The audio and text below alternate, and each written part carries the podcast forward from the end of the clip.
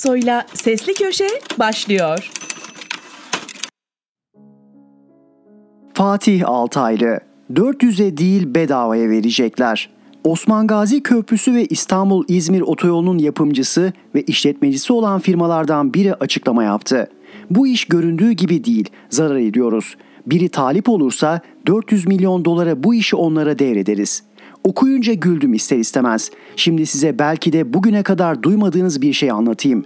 Osman Gazi ve İstanbul-İzmir otoyolu projesi aslında mevcut müteahhit ve işletmeci işe alsın diye organize edilmemişti. Bu köprü ve otoyolun yap işlet devret ihalesini kimin alacağı aslında iktidarın kafasında belliydi. Ancak Ankaralı bir grup müteahhit gizlice bir konsorsiyum kurarak son derece gizli bir şekilde ihaleye hazırlandılar ve son anda ihaleyi alıverdiler. İşi aslında kimlerin alacağını tahmin etmek zor değil sizler için. O dönem bu müteahhit grubunun bir bakandan ağır zılgıt yediği konuşuldu iş çevrelerinde. Zaten bu grubun büyük bölümü daha sonra hiçbir kamu ihalesini alamadı. O kadar kızdırmışlardı yani. Ama bir şikayetleri yoktu. Bu işten büyük para kazandılar. Kendi tabirleriyle kazandıkları paraya inanamıyorlardı. Çünkü sadece işletmeden değil, asıl parayı inşaattan götürmüşlerdi. Özel olarak hazırlanan bu işin asıl ballı tarafı fiyattı. İşin gerçek maliyetiyle işletme bedeli ve süresine esas olan fiyat arasında büyük uçurum vardı. Diyeceksiniz ki yahu yap işlet devlet işinde maliyetten sana ne?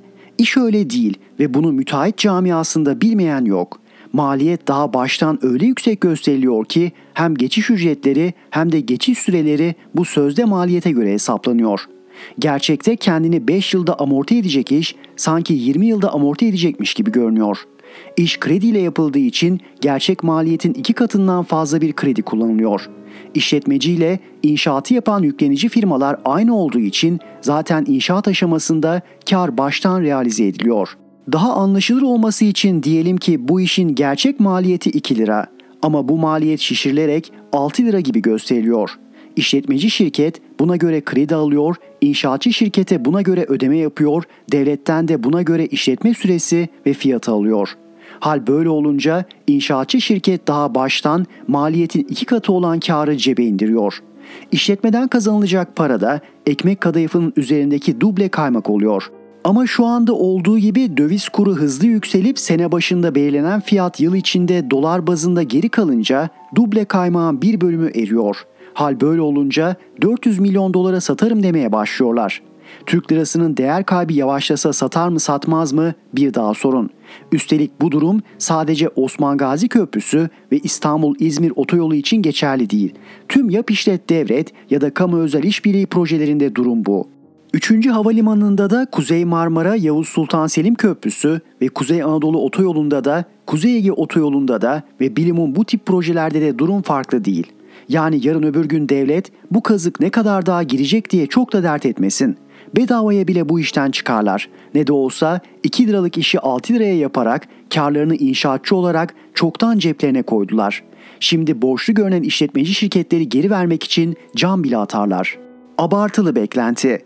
TOG yani yerli ve elektrikli otomobil meselesi bile memlekette bölünme kaynağı oldu. TOG'a inananlar ve TOG'a inanmayanlar diye milleti bölmeye çalışıyor iktidar ve iktidar destekçileri. Bu konuda sicilim temiz Allah'tan. Türkiye'nin bir otomobil yapacaksa bunun elektrikli olması gerektiğini en başından beri söyleyenlerdenim.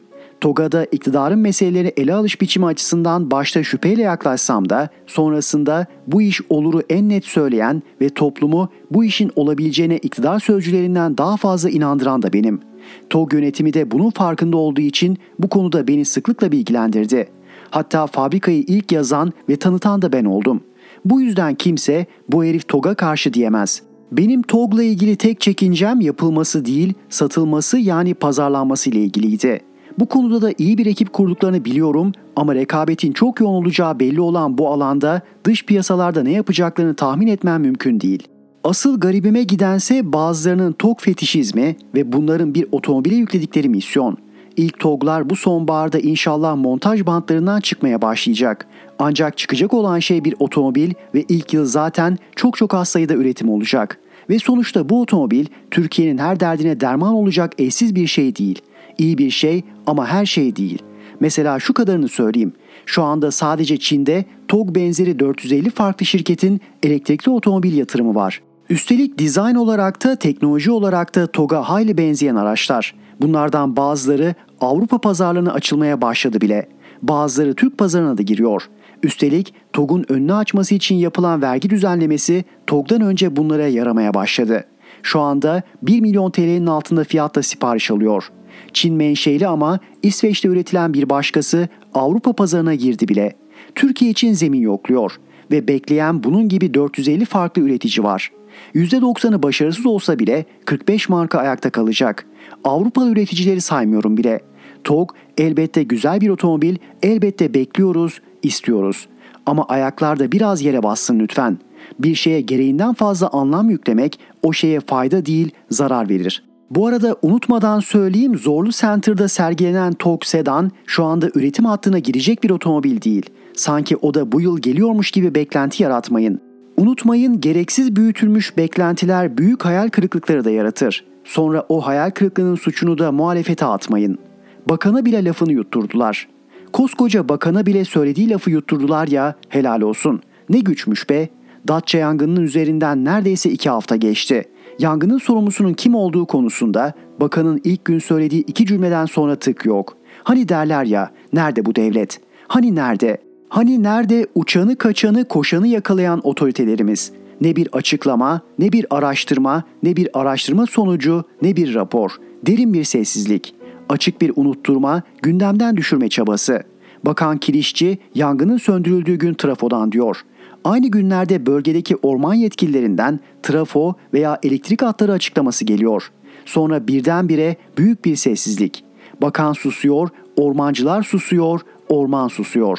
Belli ki lafta koskoca olan devletin gücü sadece bir ayyaşa yetiyor. Ormanı yakmaktan sorumlu olan yarı meczup bir alkolikse yakalanıp anında teşhir ediliyor. Yok ama dönemin iltifata mazhar şirketlerinden biri ise diller yutuluyor, sözler unutuluyor, havalar sönüyor. Farkındayız. Lafa geldi mi çok güçlüsünüz. İcraata geldi mi sizden büyük şirketler var. Ah sayın Vahit Kirişçi. Nasıl da sustunuz ama. Oysa siz ormanın bakanıydınız. Yakanın değil. Oran iyi olsa da seçime girebilecek mi? Dün Ümit Özdağ'ın Zafer Partisi'nin seçime girmesinin mümkün olmadığını ama bir partiyle birleşerek bunu yapabileceğini, bunun içinde en güçlü olasılığın Genç Parti olduğunu yazdım. Profesör Özdağ'dan bir mesaj geldi. Seçim işbirliği öngörümü reddetmiyor. Bir partiyle birleşme olasılığına hayır demiyor, Genç Parti ile işimiz olmaz diye bir beyanı da yok. Sadece oy oranları ile ilgili bir bilgi yollamış. Temiz Araştırma Şirketi'nin bir anketini. Ankete katılanların 36.7'si kendini Atatürkçü olarak tanımlamış. %17.1'i milliyetçi, %12.2'si ise demokrat. Bu ankete göre Türkiye'nin bir numaralı sorunu %42,5'la hayat pahalılığı. Türkiye'nin en büyük ikinci sorunuysa %10.7 ile sığınmacılar. Onu da %10.6 ile adalet izliyor. Siyasi tercihlerde ise 17-20 yaş arası gençlerde birinci parti %22.9 ile CHP, ikinciliği ise %17.4'lük oy oranlarıyla AK Parti ve Zafer Partisi paylaşıyor.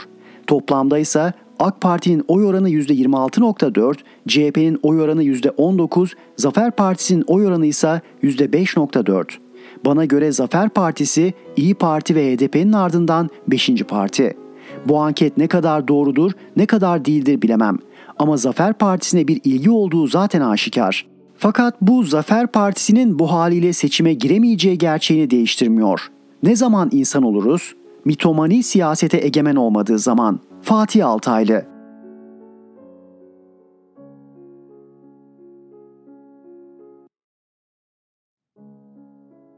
Fikret Bila Kim ne kaybeder?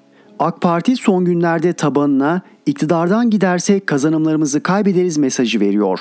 Bu mesajlar muhafazakar kesime veriliyor. AK Parti'nin amacı biz seçimi kaybedersek siz de manevi kazanımlarınızı kaybedersiniz düşüncesini yerleştirmek. Tabanına inanç ve ibadet özgürlüğünüzü kaybedersiniz. Türban serbestliğini kaybedersiniz. Türbanlı çocuklarınız üniversiteye gidemez, memur olamaz endişesi salarak erimeyi önlemeye çalışıyor. Endişeli muhafazakarlar yaratmaya çalışıyorlar. Ancak iktidarın bu yaklaşımı gerçeği yansıtmıyor.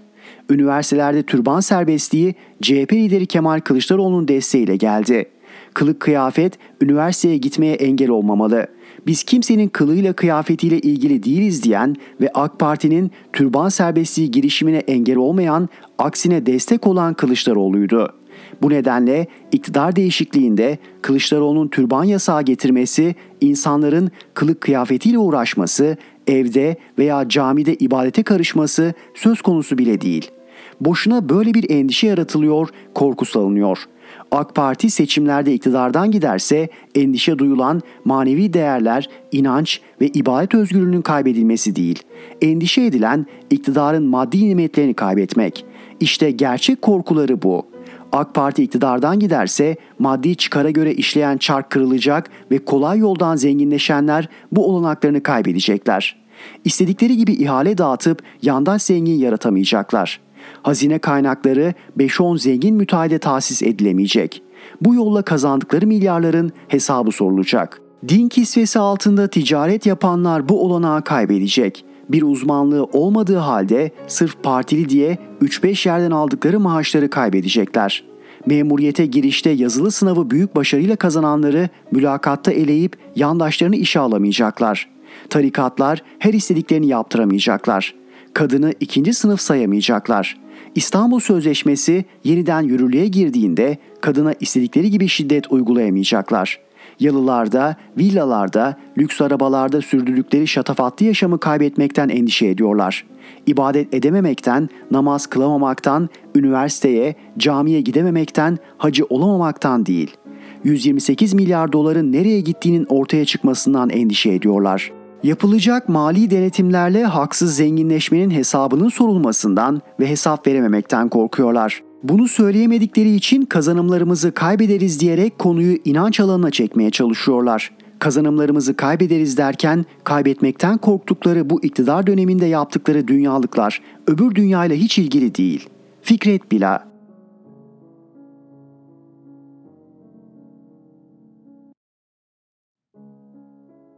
Mehmet Tezkan AKP de benim, devlet de benim.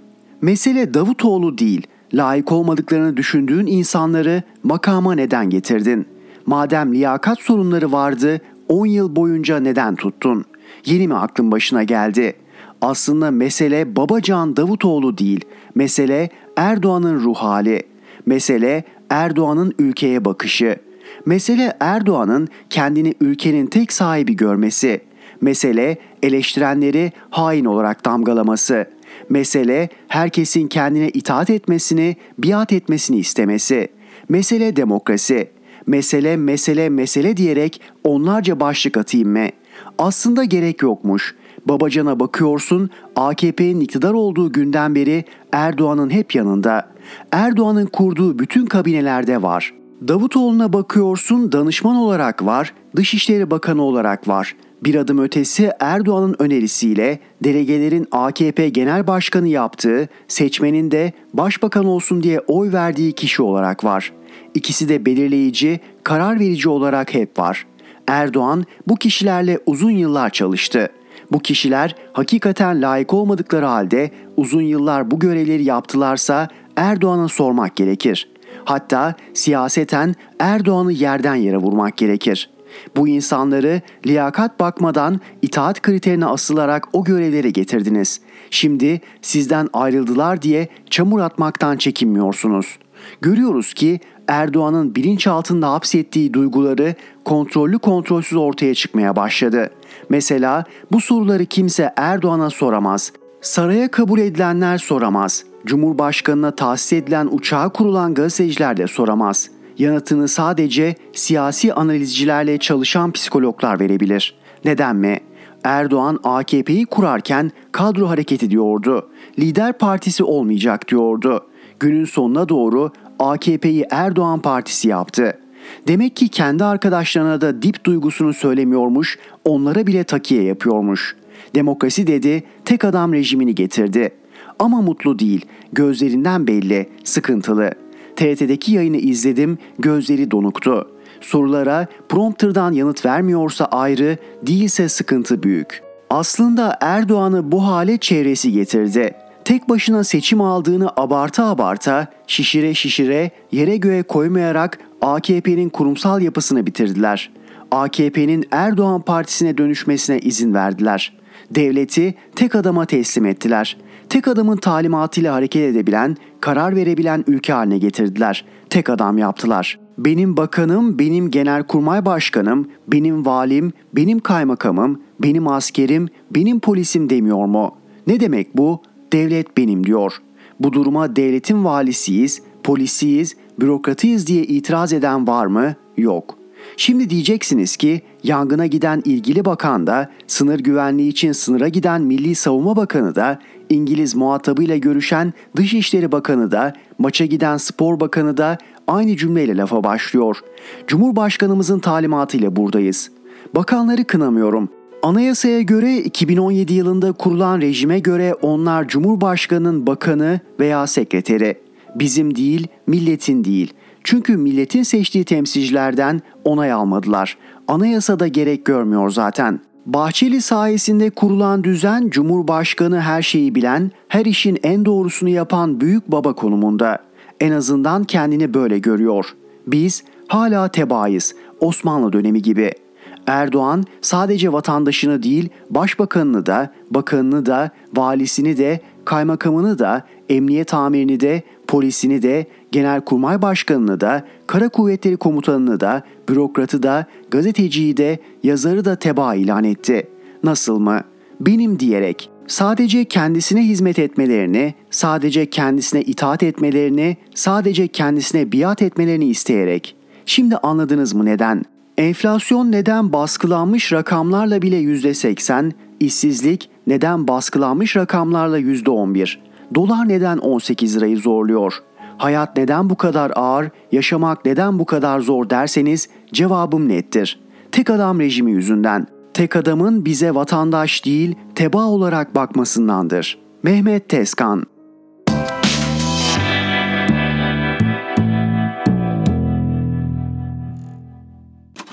Erhan Gökayaksoy'la Sesli Köşe devam ediyor. Murat Ağırel, Anadolu talan ediliyor. Sizlerden biraz izin isteyerek kendimi yenilemek adına yazılarıma ara vermiştim. İnsanın her daim daha ileriye gitmesini sağlayacak dinlenmeler her zaman verimli olmuştur. Bu arada birçok yere gittim, birçok yer gördüm, birçok insanla görüşme, dinleme imkanı buldum. Son olarak hafta sonu CHP'nin Milletin Sesi mitingini izlemek için Balıkesir Kuvayi Milliye Meydanı'na gittim.'' Miting izlenimlerimi anlatmayacağım ancak mitinge baretleriyle birlikte gelen ve madenler vatandır, vatan satılmaz sloganıyla meydanı inleten Kemal Kılıçdaroğlu'nu da Soma'ya davet eden Somalı madencileri anlatmak istiyorum. İsyan ediyorlar ve uyarıyorlar. Miting sonrası işçilerle konuştum. İtirazlarını ve isyanlarını dinledim. Bir açıklama ilettiler. Biliyorsunuz Soma'da linyit kömürü yatakları bulunuyor yaklaşık olarak 19.32 milyar ton civarında tespit edilmiş rezervimiz var. Kendi öz kaynağımız olan linyit kömürünün büyük bölümü Soma Havzası'nda bulunuyor. Büyük bir zenginlik. Soma'yı da bilirim. İlçe, emekçilerin dişiyle tırnağıyla kazanıp yaşadığı bir yer. Türkiye kömür işletmeleri yaklaşık olarak ürettiği kömürün de %65 civarını Soma Havzası'ndan karşılıyor.'' Soma hem ekonomimize hem de yeraltı kaynaklarımızın zenginleştirilmesi bakımından istihdamın sağlandığı bir konumda. Burada Türkiye kömür işletmelerine bağlı olarak çalışan 3 tane yeraltı ocağı, 4 tanesi kamu eliyle, 2 tanesi özel sektör eliyle yapılan yaklaşık 6 tane de açık işletme var. Madenciler şunu söylüyor. Ege Linyitleri işletmesi 1200 işçisi ve 350 memuruyla diğer kurumlara öncülük yapmaktadır.'' Yaklaşık olarak İmbat AŞ, Demir Export AŞ, Yeni Anadolu Yeraltı Ocağı ve Ege Linyitleri İşletmesi Müdürlüğü'nde 13 bin civarında işçi çalışmaktadır. Son yıllarda özelleştirme adı altında iş yerlerine saldırılar ihale yoluyla değil, alt şirkete ver kurtul, yeni firmaları yeni şirketlere teslim et mantığında yapılıyor. Bizim itirazımız da bunadır. Ege Linyitleri işletmesi denince ilk akla gelen Kısrakdere kömürüdür. Türkiye'nin her yerinde Soma Kısrakdere kömürü meşhurdur. Yaklaşık olarak 4000 ila 6000 kalori civarında kaliteli kömür bulunmaktadır. Soma kömür işletmelerinde 301 maden şehidi verdiğimiz şirket işçileri ve borçlarıyla birlikte Yeni Anadolu Teknolojileri şirketine devredilmiştir. Yeni Anadolu şirketinin Türkiye kömür işletmelerine aylık 30 trilyon zararı uğrattığı söyleniyor. Ege Linyitleri işletmesinin elinde bulunan en kaliteli kömürlerin olduğu A panosu Kartalkaya 1 ila 1,5 milyon ton, D panosu 450 bin ton ve A panosu Çukur'da 300 bin ton rezerv bulunmaktadır. Yeni Anadolu Teknolojileri şirketinin bu borçtan kurtulması için Ege Linyitleri işletmesinin hala hazırda üretim yaptığı A, D ve H panosu dekopajı yapılmış, kömürü açılmış şekilde Yeni Anadolu Teknolojileri şirketine 2020 yılında protokolle imzalanarak verilmiştir. Şirket yer altından kömür üretmediği halde hiçbir dekopaj faaliyeti göstermeden bizim açtığımız bu ocaklardan yaklaşık 4,5 milyon ton kömür almıştır. İtirazımız da bunadır. Ben duyunca inanamadım. Nasıl böyle bir peşkeşe imza atılıyor? Binlerce işçinin hakkı daha verilmezken onların emeğinin üzerine sırf patronlar ve hükümet istedi diye nasıl tek kalemde milyonlar el değiştiriyor? İşte Somalı maden işçileri de tam olarak buna itiraz ediyor. Aslında Ankara'ya yürüyeceklerdi. Ancak Soma'nın çıkışında Kırkağaç'ta jandarma ve çevik kuvvet polislerinden oluşan güvenlik kuvvetleri tarafından durduruldular. Yürüyüşleri engellendi. Şu anda Kırkağaç Çamlığı'nda bekletiliyorlar. Haklarını arayarak yürümek istediklerini dile getiriyorlar. Özetlersek mesele şu. Ege Linyitleri İşletme Müdürlüğü'ne ait maden sahalarına büyük kömür baronlarının çantacıları dadandı. Bunlar sahaları gezerek çalıştıkları yerleri doymak bilmeyen kömür baronlarına peşkeş çekiyorlar. Kamu eliyle yapılan tüyü bitmemiş yetimlerin hakkı olan bu ocaklardan devletin işçisi başka panoya kaydırılarak Türkiye Kömür İşletmelerine ait şirketine devrederek oradan da kendi istedikleri başka şirkete veriyorlar. Bunu da maden kanununda yapılan değişiklik üzerinden yapıyorlar. Hem de ihalesiz, sessiz sedasız milyonlarca liralık maden sahasının yönetim kurulu kararıyla devri gerçekleştiriliyor. Aslında bu kanunun amacı sözde devletteki bürokrasiyi kaldırıp atıl vaziyette duran maden sahalarının ekonomiye kazandırılmasıydı. Her zamanki gibi çalıştığımız sahalardan devlet işçisinin el çektirilmesi değildi. Şimdi yapılansa devlet eliyle üzeri açılan kömür sahaları birilerine peşkeş çekiliyor. Açıklamada bahsedilen Yeni Anadolu Teknolojileri adlı şirketin ortakları %36 Amasya Pancar Ekicileri Kooperatifi, %34 Kömür İşletmeleri AŞ, %16 TKİ Genel Müdürlüğü, %10 Merzifon Belediyesi, %4 Amasya Belediyesi. Türkiye Kömür İşletmeleri Kurumu'nun Manisa ili Soma ilçesindeki Deniş 1B panosunda bulunan açık ocak kömür sahası 2018 yılında Rödovan Sözleşmesi ile işletmeciliği Yeni Anadolu Teknolojileri adlı firmaya verilmiş. Bu firma devraldığı işletmeciliği aldığı gibi Rödovan Sözleşmesi ile Hydrogen AŞ'ye devretmiş. Hydrogen AŞ ismini ilk defa duyuyorsanız merak etmeyin yabancı değil. Kolin İnşaat'ın şirketlerinden birisi olur bu firma. 2018 yılında bu işletmeyi alan firma 2019 yılında Soma Kolin Termik Santrali'ni faaliyete sokuyor.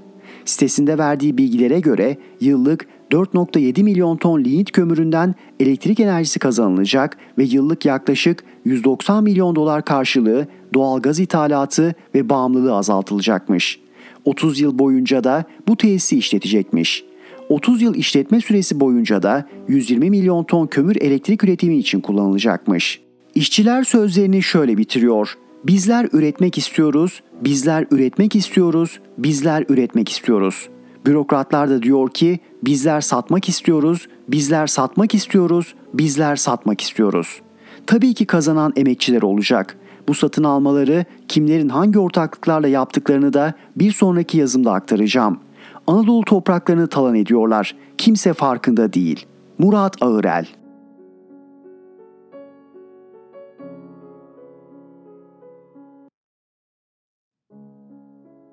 Mustafa Balbay Bay Kemal'le Kemal'e doğru. Önce sözcük anlamına girelim. Kemal'e erme değişini sözlükteki olgunlaşma, muradına erme anlamında kullandık. CHP Genel Başkanı Kemal Kılıçdaroğlu 24 Temmuz'daki Balıkesir mitinginde yol diliyle vites yükseltti. Kuvayi Milliye Meydanı'ndaki daha önce yapılan mitinglerde alanın dolmama durumuna karşı değişik yöntemlerle daraltma yapılırmış. Bu kez alan ağzına kadar doluydu. Alanda CHP bayraklarının çokluğu da dikkat çekiciydi. Kılıçdaroğlu'nun özellikle son iki yıldır çok öne çıkardığı dostlarımız ve Millet İttifakı tanımları Balıkesir'de yoktu. Bu elbette Cumhur İttifakı kanadını sevince boğacak anlamlar yüklenecek bir durum değil ama dikkat çekici. Kürsünün arkasında Millet İttifakı yerine milletin sesi CHP yerine de Kılıçdaroğlu vardı. Alana ise CHP bayrakları hakimdi. Sonuç olarak tam bir CHP mitingiydi. CHP kadrolarının iktidara inanması çok önemli. Bu inanç olmazsa tek başına genel başkanın çalışması istenen sonucu vermez. Kılıçdaroğlu her şeyden önce bir zoru başardı ve CHP'nin içini dingin hale getirdi. Ancak CHP gibi partilerde sessizlik bazen çok sessizlikten daha tehlikelidir. Bu sürecin devamında CHP kadroları doğal olarak başarı bekliyor. 2019 yerel seçimlerinin genel iktidardaki başarının ön sözü olarak kabul edilmesi sessiz beklentiyi öne çıkardı. Bu beklentinin çalışmalara daha fazla katılmaya dönüşmesi başarıya giden yolu açabilir. 24 Haziran 2023'e 332 gün var. Seçim takvimi fiilen başladı. MHP'nin de sahaya inme kararı 332 günden önce bir baskın seçim olasılığını da akla getirmiyor değil. Olasılıklar bir yana sandık göründü. Sandık demişken vurgulayalım. Demokrasilerde ilk sözü meydanlar, son sözü sandıklar söyler. Meydanların dolu olması elbette önemlidir. Moral güçtür. Ancak asıl olan son sözdür. Yakın geçmişte meydanlar ölçü alınarak yapılan hesaplar oldu. Görüldü ki meydanlar eşittir sandıklar değil. Bu gerçeği bir kez daha anımsatmak istiyoruz. Kılıçdaroğlu'nun birinci tekil şahıs konuşmaya başlaması, iktidara gelince yapacaklarını aynı yöntemle dile getirmesi, beraberinde doğal olarak Cumhurbaşkanı adaylığı tartışmasına getiriyor. Öncelikle şunu vurgulayalım. Kılıçdaroğlu aday belirleme gücünü elinde tutmak zorunda. Aksi halde ülke yönetimine talip olmak bir yana partiyi yönetmekte zorlanır. Kılıçdaroğlu dışında bir adayın Kılıçdaroğlu katında da kabul gördüğü havasının yayılması CHP genel merkezini boşaltır. Kılıçdaroğlu seçim kiminle alınacaksa onu aday gösterme olgunluğuna çoktan erişti. Kendisi aday olmak ister mi? Kim istemez? Altılı masadan Kılıçdaroğlu çıkar mı? Önümüzdeki seçimin yanı sıra bir sonraki seçimde akıllıca hesap edilirse çıkar. Erdoğan'ın karşısına çıkacak aday parlamenter sistem vaat edecek. Bu yetkileri alıp devredebilmekte kemale ermeyi gerektirir. Bütün mesele altılı masadan da önce toplum katında kabul görmekte seçimi seçimden önce kazanabilmekte. Balıkesir mitingini ilk söz kabul edip son söze yani sandığa hazırlanmakta. Erdoğan, Bay Kemal diye diye CHP'ye bir unvan kazandırdı. Gidiş o ki bu kadar sınırsız saldırıyla altılı masayı da bir arada tutacak. Mustafa Balbay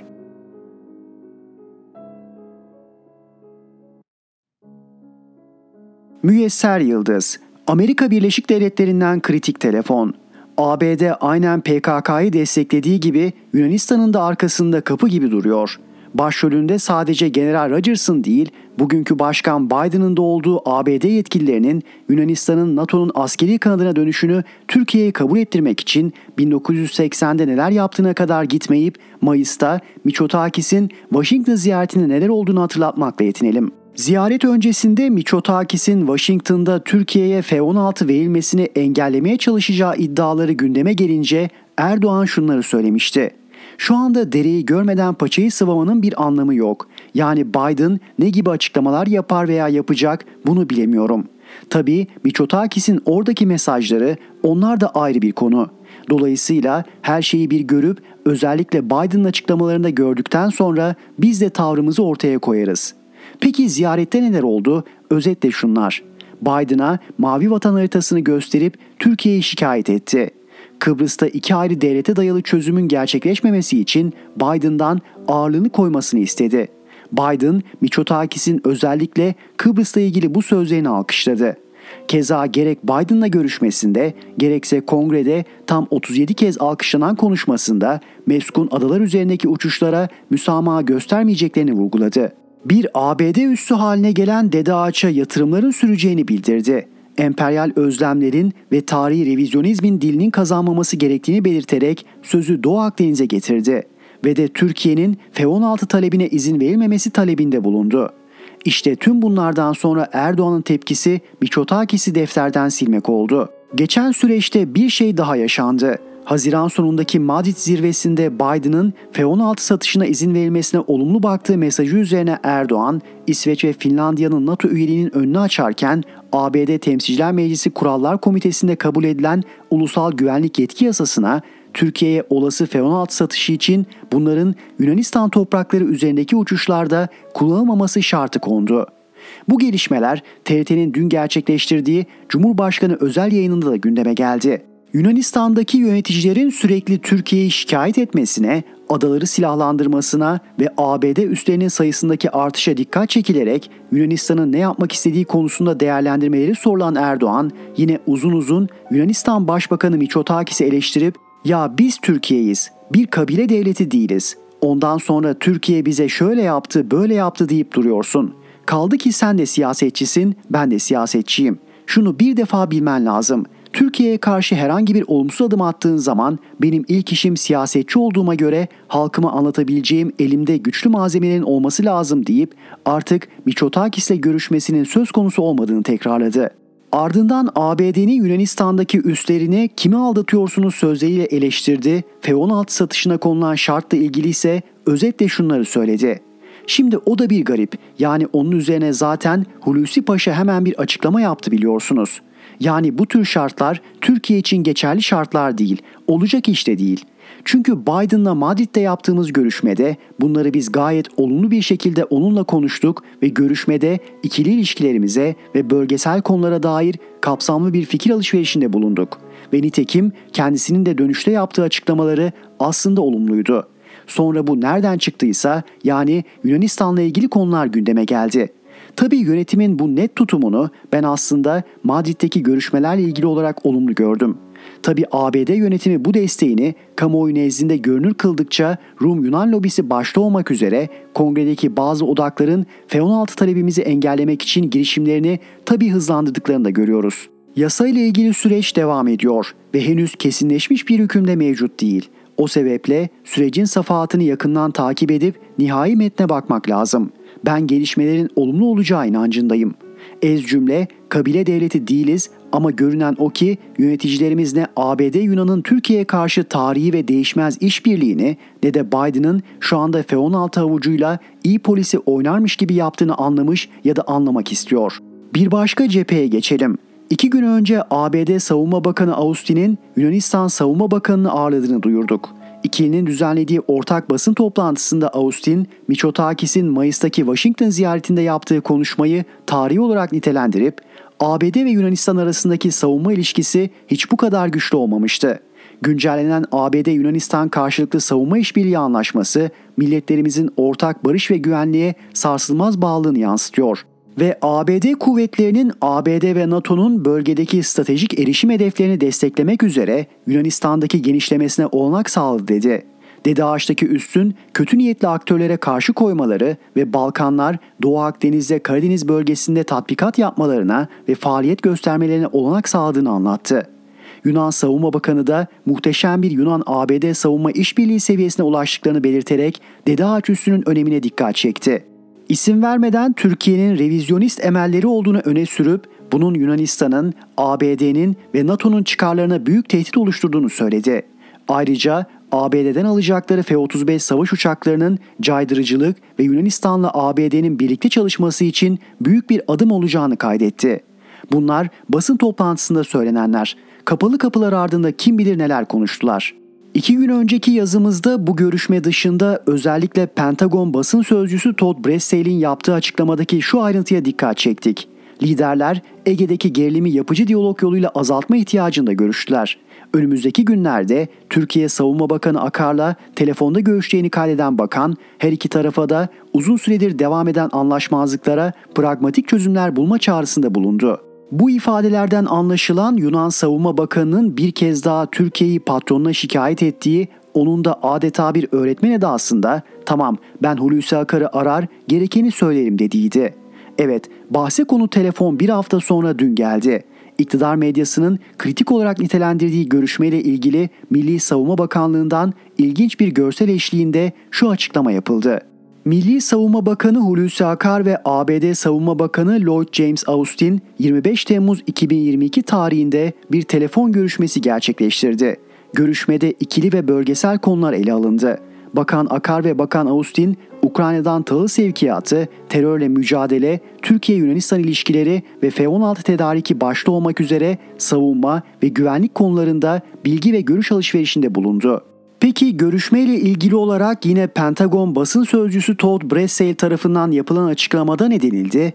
Austin'in yapıcı diyalog yoluyla Ege'deki gerilimi azaltmaya yönelik çabaların sürmesinin yanı sıra Suriye'de istikrarın korumasının öneminden söz ettiği, bir de Türkiye'nin Ukrayna ile ilgili çabaları için teşekkür ettiği vurgulandı.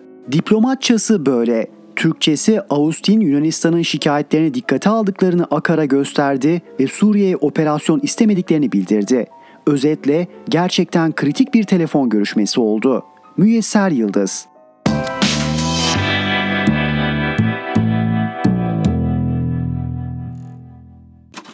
Erhan Gökayaksoy'la Sesli Köşe devam ediyor.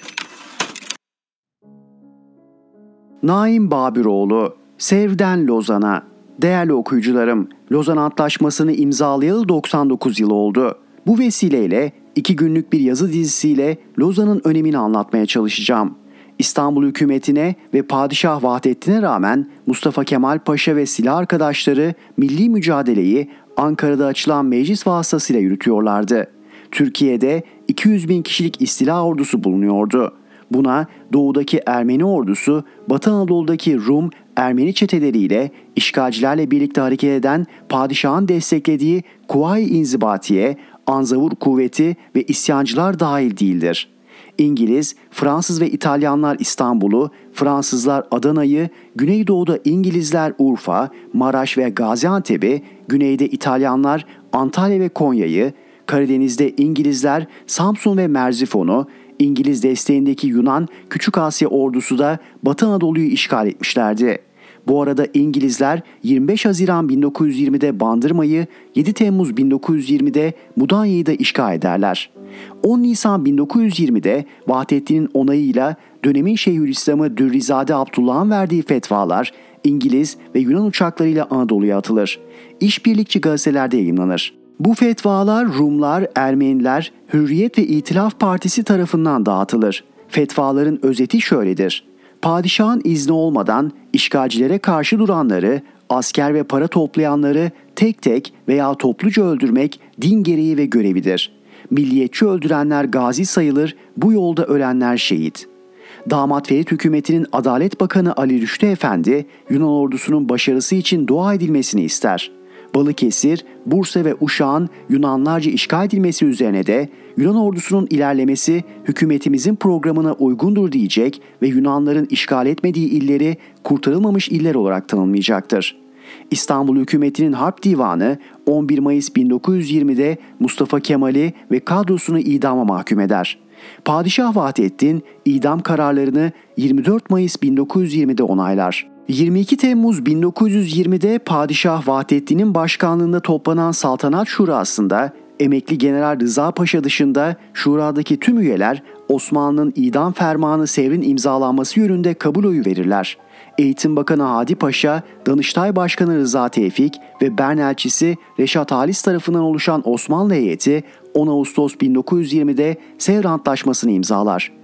Sevr Antlaşması'na göre Osmanlı Devleti tarih sahnesinden siliniyor, Türk milletinin son yurdu da elden gidiyordu. Sevr'e göre Anadolu parçalanıyor, Doğu Anadolu'da bir Ermeni devleti, Güneydoğu'da özel bir Kürdistan kuruluyordu. Osmanlı ordusu lağvediliyordu. Padişah Vahdettin Sultan Alparslan'ın emanetini hiç direnmeden işgalcilere teslim ediyor, milli mücadeleyi başlatanlara karşı işgalcilerle işbirliği yapıyordu. Ankara'da Milli Mücadele Kadrosu'nun kurduğu Büyük Millet Meclisi 19 Ağustos 1920'de Sevr'i tanımadığını ilan eder. Antlaşmayı onaylayan şura üyeleriyle imzalayan üyeleri vatan haini sayarak vatandaşlıktan çıkarır. Sultan Alparslan'ın emanetine sahip çıkar. İngiliz desteğindeki Yunan ordusu Ankara'ya 50 kilometre mesafeye kadar Hayman'a ve Polatlı'ya gelir. Yunan ordusunun gücü 230 bine ulaşır. Hedef Ankara'dır. Osmanlı'nın başkentlerinde 35 Osmanlı padişahının türbesi işgal altındadır. Seyr buydu. Ve 3 Mustafa, Mustafa Kemal, Mustafa Fevzi, Mustafa İsmet. ve vatandan başka sevgili tanımayan o kahraman ordu ve o kuşak. Ellerinde işgalcilere karşı tek atımlık mühimmat vardı. Yokluk ve kıtlık içinde dünya savaş tarihinin altın harflerle kaydedeceği muhteşem bir zafer kazanırlar. Sakarya Meydan Muharebesi ardından büyük taarruz. Türk milletinin idam fermanını ve Türklerin son yurtları olan Anadolu'dan kovulma kararını sevri çöpe atarlar. Türklerin 1683'te 2. Viyana ile başlayan kovulma sürecini 238 yıl sonra 1921'de durdururlar. Hangi koşullarda? Ayaklarında ayakkabı yoktur, savaş için doğru dürüst kıyafetleri yoktur. Büyük taarruz hazırlıkları aşamasında Maliye Bakanı Hasan Fehmi Ataç ordu defterdarlarından hesap istedim. Baktım ki bazı birliklerde 2 ay, bazı birliklerde 14 ay maaş alamamış subaylar var diyerek ordunun durumunu özetler. Bu kahramanlar işte bu koşullarda sevri yırttılar ve kanlarıyla yeşerttiler bu vatanı. Son Osmanlı Padişahı Vahdettin'in ülkeden kaçışından 3 gün sonra 20 Kasım 1922'de İsviçre'nin Lozan kentinde barış görüşmeleri başlar. Katılımcı olarak İngiltere, Fransa, İtalya, Yunanistan, Japonya, Romanya, Sırbistan, Boğazlar konusunda Sovyetler Birliği, Bulgaristan, belli konular için Belçika, Portekiz ve gözlemci olarak ABD vardı. Karşı cephede ise bir tek Türkiye bulunuyordu. Birinci Dünya Savaşı'nı kazanan galip devletler Sevr Anlaşması'nı Ankara hükümetine kabul ettirememişlerdi. Ancak Türkiye'yi Birinci Dünya Savaşı'nın mağlup ülkesi görüyorlardı. Almanya ve Avusturya'ya Versay'da yaptıklarının benzerini Türkiye'de yapacaklarını düşünüyorlardı. Oysa Türkler İngiliz desteğindeki Yunan ordusunu yenmişlerdi. Almanya ve Avusturya'dan farklı olarak askeri bir zafer elde etmenin özgüveniyle Lozan'a gelmişlerdi. 143 maddelik Lozan Barış Antlaşması 24 Temmuz 1923'te Lozan Üniversitesi tören salonunda imzalanır. Türkiye Büyük Millet Meclisi antlaşmayı 23 Ağustos 1923'te onaylar. İşgal kuvvetleri de böylece Türkiye'den ayrılmaya başlarlar. Son işgal birlikleri 2 Ekim 1923 Salı günü Dolmabahçe önünde Türk bayrağını ve Türk askerlerini selamlayarak İstanbul'u terk ederler. Osmanlı'nın koruyamadığı Fatih Sultan Mehmet'in emaneti İstanbul'u Mustafa Kemal Paşa işgalcilerden kurtarmıştı. Mustafa Kemal Paşa'nın 5 yıl önce 13 Kasım 1918'de Boğaz'da söylediği söz gerçekleşmişti. İşgal güçleri geldikleri gibi gitmişlerdi.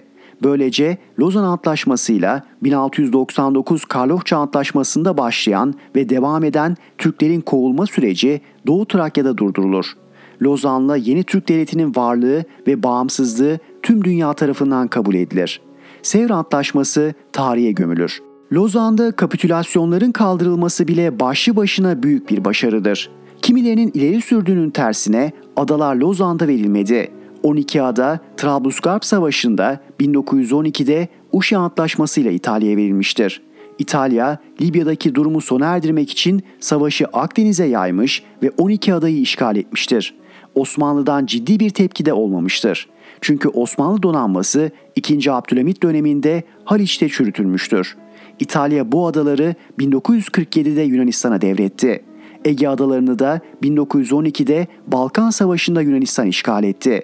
Lozan Barış Antlaşması imzalanmadan önce 1912'de adaları İtalya ve Yunanistan'a veren Osmanlı Devleti'ydi.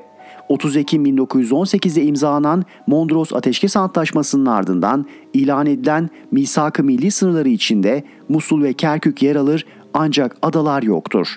Çünkü misak-ı milli 1. Dünya Savaşı'nın ateşkesle sona erdiği zaman Türk süngülerinin bulunduğu hattı vatan toprağı olarak sayıyordu. Misak-ı Milli ilan edildiğinde 12 adalarda İtalyan askeri, Ege adalarında Yunan ordusu bulunuyordu. Naim Babiroğlu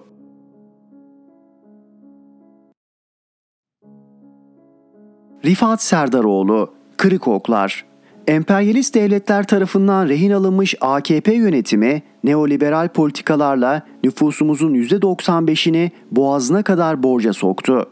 Kurumlarımızı, ekonomimizi ve tarımımızı çökerterek kendisine verilen görevi tamamladı. İlk seçimde emperyalizme hizmet edip de hizmet süresi dolan diğer elemanlar gibi tarihte layık olduğu yere gömülecek. Şimdi de İngilizlerin planlamasıyla arka planda Abdullah Gül ve FETÖ destekli Light AKP dedikleri altılı ittifakla sömürüye devam etmek istiyorlar. Bizi muhalefete muhalefet etmekle suçlayanlar için Altılı İttifak'ın genel başkanlarının kendi sözlerini derledik. Lütfen inceleyin ve Doğru Parti'nin muhalefete muhalefet mi yoksa emperyalizme karşı milli muhalefet mi yaptığına sizler karar verin. Ama lütfen okuyun. Çünkü bu seçim Türkiye Cumhuriyeti Devleti'nin son seçimi olabilecek bir beka sorunudur. Altılı İttifak 5 Mayıs 2018 tarihinde resmen yürürlüğe girdi. 2021 yılından bu yana Gelecek ve Deva Partileri de ittifaka katıldı. AKP larvaları Kılıçdaroğlu'nu kuşattıktan sonra CHP Genel Başkanı defalarca şunları söyledi ve son Balıkesir mitinginde televizyon canlı yayınında bir daha tekrarladı. Bir daha ilan edeyim. Cumhuriyet Halk Partisi olarak yani devleti kuran parti olarak iki kırmızı çizgimiz var. Vatanımız ve bayrağımız. Vatanımıza ve bayrağımıza canımız feda diyoruz. Onun dışında kimliği ne olursa olsun, inancı ne olursa olsun, yaşam tarzı ne olursa olsun, vatanına ve bayrağına bağlı olan herkesin benim başımın üstünde yeri vardır. Altılı İttifak'ın en tehlikeli isimlerinden biri Davutoğlu'dur. Davutoğlu, ABD'nin ve İsrail'in hayali olan Kürt devletinin kurulmasını kitabında şu sözlerle istiyor. Irak, İran, Suriye ve diğer ülkelerdeki Kürtler birleşecekler. Diğer devletler de bölünecektir. Davutoğlu'nun Stratejik Derinlik adlı kitabı bu amaçla yazılmıştır. Davutoğlu 11 Haziran 2022'de Diyarbakır'da düzenlediği Kürt meselesi çalıştayında Kürtçenin eğitim dili olarak kullanılacağı kararını açıkladı. Babacan da Kürtçe eğitim konusunda Davutoğlu gibi düşünüyor ve söylüyor. Ayrıca ortam uygun olduğunda anayasamızın değiştirilemez maddelerinde tartışmayı açacağını ifade ediyor.''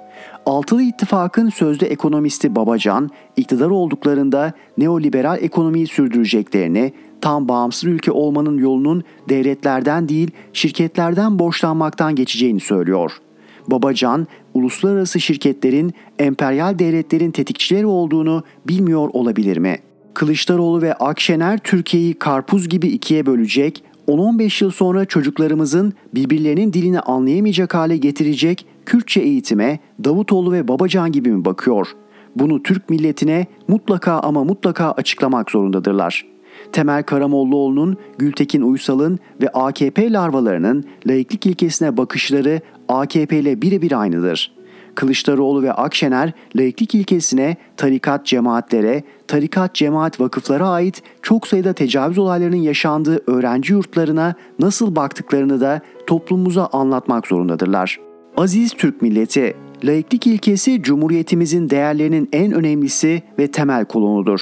Eğer bu ilke Kılıçdaroğlu'nun kırmızı çizgileri içinde kalmıyorsa CHP'nin altı okundan en önemlisi kırılmış demektir. CHP'lileri bu önemli konu dahi ilgilendirmiyorsa bizim yapacak tek işimiz kalır laiklik ilkesini ölümüne mücadele ederek korumak. Kürtçenin veya başka bir dilin eğitim dili olması konusu da ülkemizin gerçek anlamda beka sorunudur.'' Kılıçdaroğlu ve Akşener bu konuda Davutoğlu, Babacan, Kürtçü bölücü çakma aydınların etkisinde kalıp ısrar ederlerse Türk milletinin bölünmesine hizmet etmiş olurlar. Acı olan CHP'nin Atatürk ilke ve devrimlerinden de sapma göstermesidir. Cumhuriyetin kurduğu parti olmaktan Cumhuriyeti yıkan parti olmak Kılıçdaroğlu'na yakışır mı? Doğru parti olarak Türk milletini uyarmaya devam edeceğiz.'' Türk devletini yönetmeyi deneme tahtası olarak gören siyaset cüceleri öyle çarpılacaklar ki dilleri tutulacak. Umudumuz ve dileğimiz Türk milletinin federe İslam devleti çukuruna düşmeden gerçekleri görmesidir. Rifat Serdaroğlu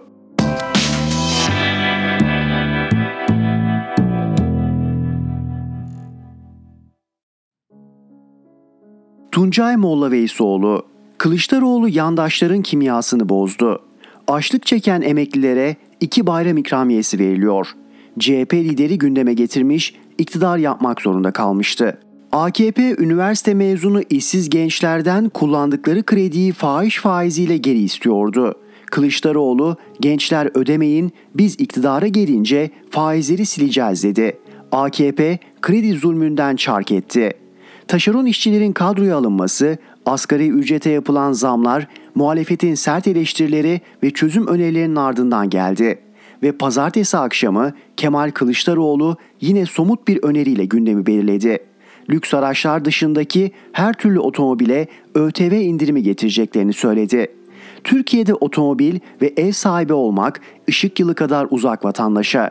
Kılıçdaroğlu'nun ilk kez otomobil sahibi olacak gençlerden vergi almayacağız demesi, ÖTV'nin %75'ini kaldıracağız açıklaması toplumun kılcal damarlarında anında hissedildi.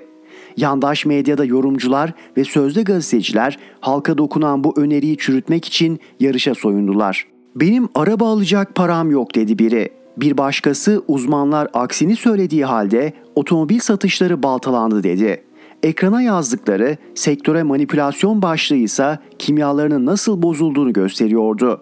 Daha trajikomik yorumlar yapıldı. Milletin cebinde ekmek parası yok, nasıl araba alacak diye söyleniyordu bir yandaş. Yani desteklediği iktidarın halkı ekmek alamayacak hale getirdiğinde itiraf ediyordu.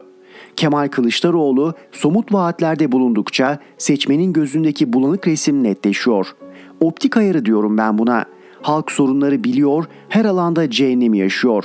Muhalefet sadece çözüm anlatmalı. Somut sorunlara somut çözümler. Göç değil istila. Gaziantep Nizip Belkis Merkez Mahallesi 210 Türk, 1084 Suriyeli, %83.7. Gaziantep Karkamış Gürçay Mahallesi 147 Türk, 557 Suriyeli, %79.12. Adana Yüreğir Pekmezli Mahallesi 196 Türk, 1326 Suriyeli. Antalya Alanya Kargıcak Mahallesi 3095 Türk, 2726 Suriyeli. Antalya Konyaaltı Hurma Mahallesi 20728 Türk, 10940 Suriyeli. %34.55.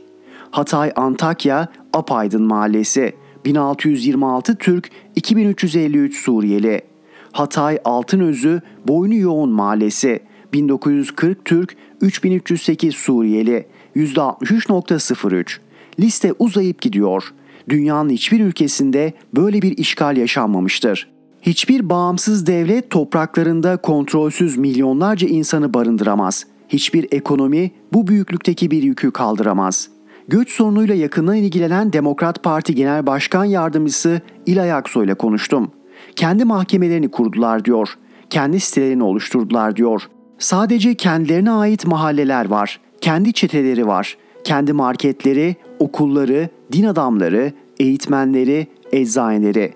Hiçbir şey yasal kayıt altında değil. Öyle ki sınırdan girerken hangi ismi uygun görüyorlarsa Türk makamları onu yazdırıyor ve kimlik alıyorlar. Yani gelenlerin gerçekte kim olduğunu da bilmiyoruz. Kabile devletlerinde bile izin verilmez. Gerçek adını, işini, yaşını, geçmişini bilmediğimiz milyonlarla birlikte yaşıyoruz. Görgüsüz, zengin işgalciler ucuz Türkiye'nin sefasını sürüyorlar. Yoksul olanlara ise Türk halkı bakıyor. Hiçbir hizmete ücret ödemedikleri için Türk vatandaşı yoksul insanlar ilaçlarını göçmenlerin ilaç listelerine yazdırarak temin ediyor. İki türlü işgal var yani. Varlıklı olanlar Karadeniz'den Ege'ye cennet kıyıların keyfini çıkarırken yoksulları ise Doğu, Güneydoğu başta olmak üzere bedava hayatı yaşıyorlar. Sadece sınırımızda değil, sınır ötesinde de bu insanlara büyük kaynak aktarıyoruz. Geçen hafta CHP'li Erdoğan Toprak açıkladı. İdlib'e bedava elektrik veriyoruz. Dinci terör örgütü ise faturasını kesip parasını alıyor.'' Sosyal medyada gençlerin paylaşımlarını takip edip suç uyduran ve oradan da evlerine baskın yapan iktidar sahipleri bu istilayı görmüyor olamaz. Demek ki AKP bu yıkım projesinin müteahhitliğini yapıyor. İktidarın gözetiminde ülkemiz istila ediliyor. CHP hatta altılı masanın bu büyük sorunda da optik ayarı yapması gerekiyor. Felaket ortada. Altılı masa ne diyor? Tuncay Molla Veysoğlu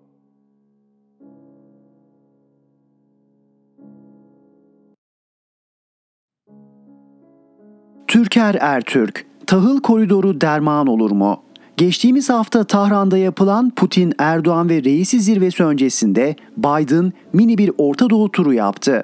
Bu kapsamda İsrail Başbakanı Naftali Bennett'le Kudüs'te ardından Filistin Devlet Başkanı Mahmut Abbas'la Batı Şeria'da bir araya geldi ve daha sonra da Suudi Arabistan'ın Cidde kentine geçerek Körfez Arap Ülkeleri İşbirliği Konseyi toplantısına katılıp Suudi Arabistan Veliaht Prensi Muhammed Bin Selman'la görüştü. 2017'de zamanın ABD Başkanı Trump'a Suudi Arabistan'da çok görkemli bir karşılama yapılmıştı. Ama 15 Temmuz'da Biden'a aynı tavır gösterilmedi. Biden Körfez ülkeleriyle birlikte Mısır, Ürdün ve Irak liderleriyle de konuştu ama Suudilerden de diğer Arap ülkelerinden de istediğini alamadı. Bu bile ABD hegemonyasının zayıfladığının çok açık bir işareti. Bölgede etkisi olan farklı güç odakları da var. Bazı körfez ülkeleri İran'la cepheleşmek istemiyor. Suudi Arabistan'da İbrahim Anlaşması'na hala mesafeli duruyor. Hani Biden ve ABD insan hakları, özgürlükler, hukuk ve demokrasi şampiyonuydu. Ne oldu? Suçu sabit olan katliamcının ayağına kadar gitti ama yine de istediğini alamadı. Küresel liderlik sadece ekonomik ve askeri güçlü olmaz ki bunlar da düşüşte. Arkada evrensel değerler ve ilkeler manzumesi yoksa hiç olmaz. Amerika kurucu babaları John Adams, Benjamin Franklin, Alexander Hamilton, John Jay, Thomas Jefferson, James Madison ve George Washington'a ihanet etti. İktidar da Türkiye'nin çağ dışı yüzüyle çağdaş yüzüne FETÖ ve ABD'nin yardımıyla operasyon yaptı. Ama geldiğimiz yer işte burası. İran, Rusya ve Türkiye liderlerinin buluştuğu Tahran zirvesi Cidde zirvesine yanıt ve meydan okuma anlamındaydı. Bu sadece benim değerlendirmem de değil. Almanya Dışişleri Bakanı Bir Bok'ta Tahran zirvesi sonucunda Putin, Erdoğan ve reisinin el ele tutuşarak verdiği fotoğraf karesini meydan okuma olarak nitelendirdi. Bu fotoğrafa Pentagon'da Beyaz Saray'da çok kızdı ve köpürdü. Ama Erdoğan'ı tamamen karşı tarafa kaptırmamak için fazla tepki vermedi. Esasında Erdoğan'ın gönlü Cidde zirvesine katılmaktan yanaydı ama davet edilmedi. Davet edilmeyi beklemenin bunca gelişmelerden sonra hayalden öte bir anlamı da yoktu. Bu fotoğrafla Erdoğan seçimler öncesinde bana destek verin, önümü açın. Yoksa Türkiye'yi karşı tarafa konumlandırırım mesajını vermek istemişti. Bunu yapabilir miydi? Böyle bir gücü var mıydı? Olmadığını ABD'de biliyor ve bu hamlelerin şantaj ve pazarlık amacıyla yapıldığını değerlendiriyor ama yine de olası bir çılgınlığa karşı dikkatli davranmaya ve seçimlere kadar durumu idare etmeye çalışıyorlar. Tahran zirvesinin 16 maddelik ortak bildirisine ve sonrasında liderlerin yaptığı açıklamalara bakarak çıkan sonuçları şu şekilde sıralayabiliriz. 1. Suriye'de askeri değil siyasi çözüm. 2. Terörle mücadele vurgusu. 3. Suriye'nin toprak bütünlüğü ve egemenliği. 4. Suriye'de Fırat'ın doğusunda bulunan ABD'nin bölgeyi terk etmesi. 5. Sığınmacıların güvenli bölgeye değil asıl geldikleri yere geri dönüşlerin yapılması gerektiğinin altı çizilmiştir. Yani Türkiye Suriye'de Mart 2011'den beri devam eden savaşta yanlış yaptığını kayıt altına aldırmıştır. Ne yazık ki Türkiye'yi yöneten iktidar Suriye'deki vekalet savaşına taşeronluk yapmış, askeri çözüm peşinde koşarak Beşar Esad yönetimini yıkmaya çalışmış, Suriye'de egemenlik alanı kurma peşinde koşmuş ve enerjisi azalmış olmasına rağmen koşmaya da devam etmektedir. Bu kapsamda Türkiye'deki sığınmacıların bir bölümünü Türkiye'de artan tepki üzerine güvenli bölgeler oluşturarak buralara yerleştirmeye kalkmıştır. Terörle mücadele vurgusu olumludur ama herkesin teröristi farklıdır. Suriye'nin egemenliği ve toprak bütünlüğünden yanaysak Suriye'nin terörist dediği örgütlerle işbirliği yapıyor olmak sanırım doğru bir yaklaşım değildir.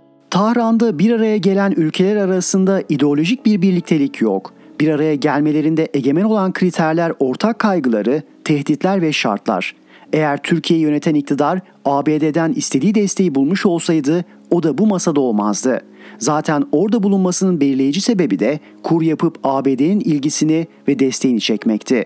İran, Türkiye'nin Suriye'de de Irak'ta da etkin olmasını istemiyor. Görünen o ki önümüzdeki dönemde Türkiye ile İran arasındaki çekişme daha da artacak. İktidarın Suriye'nin kuzeyine yapmayı planladığı askeri operasyona Tahran'da yeşil ışık yakılmadı. Kararda belirleyici olansa İran'dı. İran, Rusya'nın stratejik çıkarları için Türkiye'deki iktidarın zaman zaman önünü açtığını, yanlışlarına sessiz kaldığını ve taviz verdiğini düşünüyor. Aynı şekilde Türkiye'de birçok konuda İran'dan rahatsız. Bu konular arasında en çok göze çarpanlardan biri İran'ın Afgan sığınmacılara Türkiye'ye gitmeleri için yol vermesi. Tahıl koridoru konusunda Putin olumlu yaklaştı ve Erdoğan'ın istediğini verdi. Vermeseydi Erdoğan Tahran'dan eli boş dönecekti. Ardından geçtiğimiz cumartesi günü İstanbul'da tahıl koridoru anlaşması yapıldı. İktidar hemen bunu iç politika malzemesi yaptı ve bir başarı hikayesi olarak kullanmaya başladı. Benden söylemesi seçimlerde bunun hiçbir faydası olmaz. Belli ki faydası olacağını ve bu sayede uluslararası itibar da kazanacaklarını sanıyorlar. Hem zaten bu anlaşmanın yürüyeceği de kesin değil. Ayrıca tahıl koridoru anlaşması halen küresel çapta yaşanan gıda güvenliği ve açlık sorununu da çözmez. Sadece pansuman görevi görür. İstanbul'daki anlaşmanın mürekkebi henüz kurumadan tahıl ihracı terminal çıkış noktalarından birisi olan Odessa liman tesisleri Moskova tarafından kalibre füzeleriyle vuruldu. 24 Şubat'ta başlayan ve 5. ayını dolduran Ukrayna Savaşı yüzünden tahıl ihtiyacının yaklaşık üçte birini karşılayan Ukrayna ve Rusya'nın devre dışı kalması tahıl, ayçiçeği yağı, petrol, doğalgaz ve gübre fiyatlarının yükselmesine ve buna bağlı olarak dünyada gıda fiyatlarının artmasına sebep olmuştur. Artan maliyetler, gıda fiyatlarındaki artış ve küresel ölçekte yaşanan gıda krizinin tek sebebi elbette sadece bu savaş değil. Öncesinde yaşanan koronavirüs salgını da bu süreçte etkili olmuştu. Ukrayna Savaşı bu etkiyi biraz daha hızlandırdı ve krizin büyümesini tetikledi. Açık kaynaklardan öğrendiğimize göre Ukrayna'da depolarda 20 milyon tonu aşkın tahıl ihraç edilmeyi bekliyor. Peki ihracı gerçekleşti diyelim. Arkası gelecek mi? Çünkü savaş devam ettiği müddetçe tahıl ekimi ve hasadı yapabilmek mümkün olmayacak veya çok kısıtlı olarak yapılabilecek. Diğer taraftan tahıl fiyatlarını artıran faktörler içinde gübre, petrol ve doğal gaz fiyatları da vardır. Savaş bitmediği müddetçe gıda fiyatlarını aşağıya çekebilmek ve küresel gıda güvenliğini sağlayabilmek mümkün değil. Esas yapılması gereken savaşın durdurulmasıdır. Ama bu konuda müzakere ve diplomasi dahil hiçbir gayret yok. 2021 yılı itibarıyla dünya nüfusunun yaklaşık %10'u açlık sorunu yaşıyor. Yani dünyada yaklaşık 800 milyon insan açlıkla karşı karşıya. Bunun nedeni tek başına Rusya-Ukrayna savaşı ile açıklanamaz. Hatta salgınla da. Tabii ki bu açlığın arkasında başka nedenler de var. Bu nedenlerin en başta gelenleri açgözlü kapitalist düzen, emperyalizm ve sömürüdür. Sonuç olarak demem o ki 1. Tahıl koridoru anlaşması başarılı olsa bile küresel gıda güvenliği açısından tesiri geçici olacaktır. 2. 2022 tahıl üretim verilerine bakıldığında koridor açık olsa bile ihraç edilecek yeterli tahıl ürünü olmayacaktır. 3. Kalıcı çözüm savaşı durdurmaktır. 4. Anlaşmanın başarılı olmasının önünde bazı engeller mevcuttur. Anlaşma Ukrayna'nın tahıl ürünlerinin yanı sıra Rusya'nın da kendi ürünlerini dünya pazarlarına satabilmesini içeriyor. Ama iş ayrıntıya ve uygulamaya gelince ABD'den yaptırımlar deliniyor itirazı gelebilir. Ruslar da yeni yaptırımlara karşı hamle olmak üzere bu işten vazgeçebilir. Aynen enerjide olduğu gibi. Ayrıca Odessa gibi ihraç terminal limanlarının mayınlarla kirletilmiş olması ve gemilerin İstanbul'a intikalinde seyir sefer güvenliği açısından Montreux'u delebilecek, Karadeniz'e sahildar olmayan donanmalara davetiye çıkarabilecek maksatlı provokasyonlara açık olduğu da gözden uzak tutulmamalıdır. Türker Ertürk